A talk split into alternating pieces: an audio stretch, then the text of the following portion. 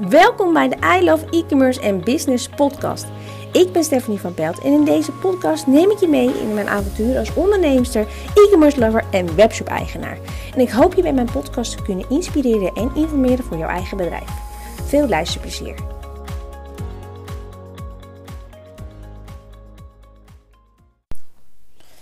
Het is weer een nieuwe maand, dus een goed moment om weer te reflecteren wat er afgelopen tijd allemaal gebeurd is en hoe de cijfertjes ervoor staan. Nou, we zitten natuurlijk een beetje in, nog steeds in een rare periode. En laten we zeggen dat ruim uh, de afgelopen drie maanden um, voor menig mens uh, de boel op zijn kop staat ook voor mij. Um, maar nou las ik dus vorige week dat de meeste webshops gewoon 60% meer omzet gedraaid hebben sinds het hele coronaverhaal. En het is natuurlijk al de mensen midden de deur uitgaan. Maar ik dacht, misschien is het een leuk idee om in deze podcast je mee te nemen in mijn afgelopen maand. Misschien mijn wel afgelopen um, drie maanden.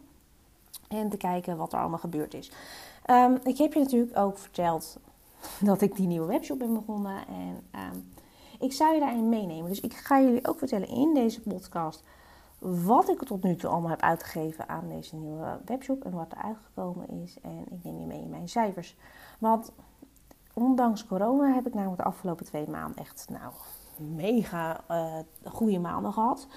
Um, maart was al goed, maar april is er eigenlijk volledig overheen gegaan. En dat is iets dat ik echt denk van, weet je, je, ik ben heel ambitieus, ik ben heel ongeduldig ook. Um, en dat is goed en dat is slecht. Uh, het slechte is dat ik mezelf daardoor af en toe heel erg tegen kan houden. Het goede is dat ik dus door mijn ambitieusheid ook misschien ander soort stappen zet. Um, maar als ik ook ga kijken naar uh, dus de afgelopen twee maanden. Um, ik ik heb gewoon anderhalf jaar moeten oogsten om een, uh, om een bedrijf neer te zetten. En dat is er dus uitgekomen. Maar met als nadeel toen corona om de hoek kwam kijken en de scholen dichtgingen, is dat ik uh, dus stapels met werk had. Die ik vervolgens dus ook uh, moest gaan doen. Terwijl er een kind thuis zat. Dus ik heb mezelf best wel flink voorbij gelopen de afgelopen tijd. Helaas. Um, dus de afgelopen twee weken heb ik echt op de rem getrapt. Ben veel minder gaan doen. Ik heb ook veel minder opdrachten. Wat ik dan ook wel weer spannend vind, want uh, de omzet van de afgelopen twee maanden is natuurlijk ook gekomen doordat ik zo hard gewerkt heb. Dus ik heb geen idee wat deze maand mij gaat brengen. Maar ik leer toch wel een hele hoop van deze hele situatie en ik hoop jij ook. Um, maar ik ga je niet vertellen uh, in deze podcast wat mijn omzet van e geweest is, want daar gaan we niet over hebben. Ik wil je meenemen in de eerste maand van uh, Lady Pleasure en hoe dat gegaan is. Want ik heb er in de vorige podcast, een paar podcasts terug, eh, dus verteld over uh, waarom ik dus webshop ben begonnen met uh, seksspeeltjes. En hoe dat precies zit en wat daar de reden van is. En eigenlijk is die, begin april is die online gegaan. Nou, ik ben meteen begonnen met blogschrijven, heel veel blogschrijven, omdat ik merkte dat de concurrentie dat niet heel erg doet. Um, ze doen het wel, maar niet per se productgerelateerd. Dus alle informatie die je zoekt, kan je niet per se vinden. Dus ik vond dat een hele uh, grote kans. Dus ik ben heel erg produceren geweest, heel erg bezig geweest met die website zo goed mogelijk uit te laten zien. Manieren bedenken om, uh, om naamsbekendheid te krijgen. En als ik nu ga kijken naar mijn cijfers, uh, vanaf 7 april zit er zeg maar een beetje een, een piekje in. Omdat wij toen uh, ook een vrienden en familie en zo verteld hebben dat we dat gingen doen. En ik heb dus vanaf 1 april tot en met 29 april heb ik dus gewoon al 1326 websitebezoekers gehad in een paar weken. Dat is echt mega veel. Um, voor eigenlijk alleen maar je blogs delen en niet online adverteren. Dus daar ben ik echt heel erg blij mee. Um, maar het wil niet per se zeggen dat dat, dat natuurlijk uh, ook omzet oplevert. De eerste periode, de eerste maanden van een webshop zijn natuurlijk lastig. je moet naast bekendheid opbouwen. Het heeft gewoon tijd nodig voordat het op een gegeven moment echt gaat stromen. Dus ik heb eventjes al mijn kosten van de afgelopen periode op een rijtje gezet. Um, zodat je kunt zien wat ik dus gedaan heb afgelopen periode om deze webshop in de markt te zetten. Want toen dit idee naar voren kwam, was eigenlijk het idee van, joh, ik uh, hoef er geen geld te stoppen, die webshop bouw ik wel zelf. Um, en ik zie wel waar het schip strandt, maar ik ben een beetje ambitieus, dus dat is niet helemaal gelukt. Dus ik heb net alles op een rijtje gezet. Ik ben namelijk um, twee weken terug of zo'n beetje ben ik, eh, heb ik een oproepje geplaatst om op zoek te gaan naar tekstschrijvers die mij kon helpen met produceren van blogs. Uh, ik doe deels, schrijf ik het nu zelf. Ik heb een meisje ook in dienst die mij ook met dingetjes helpt. Maar die moet ook nog best wel wat andere dingetjes doen voor Lady Pleasure. Dus ik dacht, ik ga ook gewoon eens op zoek naar iemand die mij twee keer per maand kan helpen met schrijven van blogs. Nou, ik kreeg daar geloof ik 30 reacties op. Um, en daar kon ik niet zo goed uit kiezen. Dus ik heb een aantal mensen, oh, een stuk of vijf geloof ik, um, een proefblog laten schrijven. Nou, dat heeft mij dus uh, aan proefblogs al 195 euro gekost. Betekent wel dat ik een aantal weken vooruit ingepland heb. De hosting van, van de webshop uh, had ik een hele leuke aanbieding bij uh, mijn domein. Die was namelijk maar 1 euro voor het eerste jaar. En aangezien ik zelf kan bouwen, heeft dat me dus niks gekost. De, de template, de, het thema waar die op draait, had ik al zelf. Dus dat scheelt een hele hoop. Dus daar zaten de kosten niet in. Um, maar er zaten wel een hele grote hoge kostenpost in, in de promotieartikelen. Want ik ben dus ook gaan kijken, nou ik kan dus niet adverteren, wat kan ik dan wel doen? Ik ben dus op zoek gegaan naar bloggers um, en naar influencers om te kijken of zij um, of wat over mij wouden schrijven of misschien wel wouden plaatsen op social media. En toen ik dat ging optellen, schrok ik van een klein beetje. Maar ik heb dus in de afgelopen weken 631,54 euro uitgegeven aan promotieartikelen.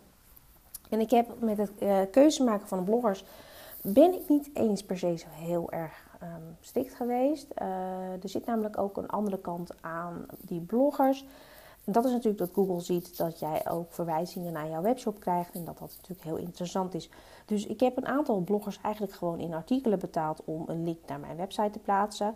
Uh, en een aantal bloggers weet ik gewoon dat ze een goede achterband hebben of achterhang.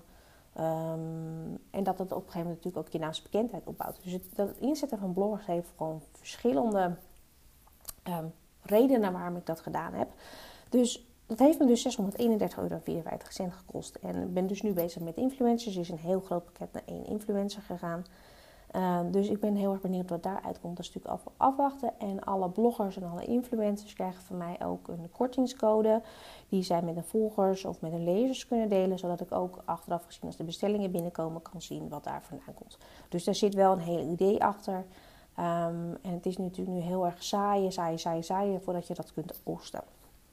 Um, daarnaast ben ik aan de slag gegaan met een influencer platform, Join. En daar zitten heel veel influencers aan verbonden. Um, waardoor je, zij, scannen dus ook de influencers. Dus je weet ook of iemand gewoon goede volgers heeft. En uh, de afspraken staan er vast. Dus ze krijgen ook niet uh, betaald voordat hun afspraken nakomen. Um, het join kost uh, uit mijn hoofd iets van 99 euro per maand. Nou, ik heb een drie maanden afspraak. Dus als het niet loopt, kan ik er drie maanden vanaf.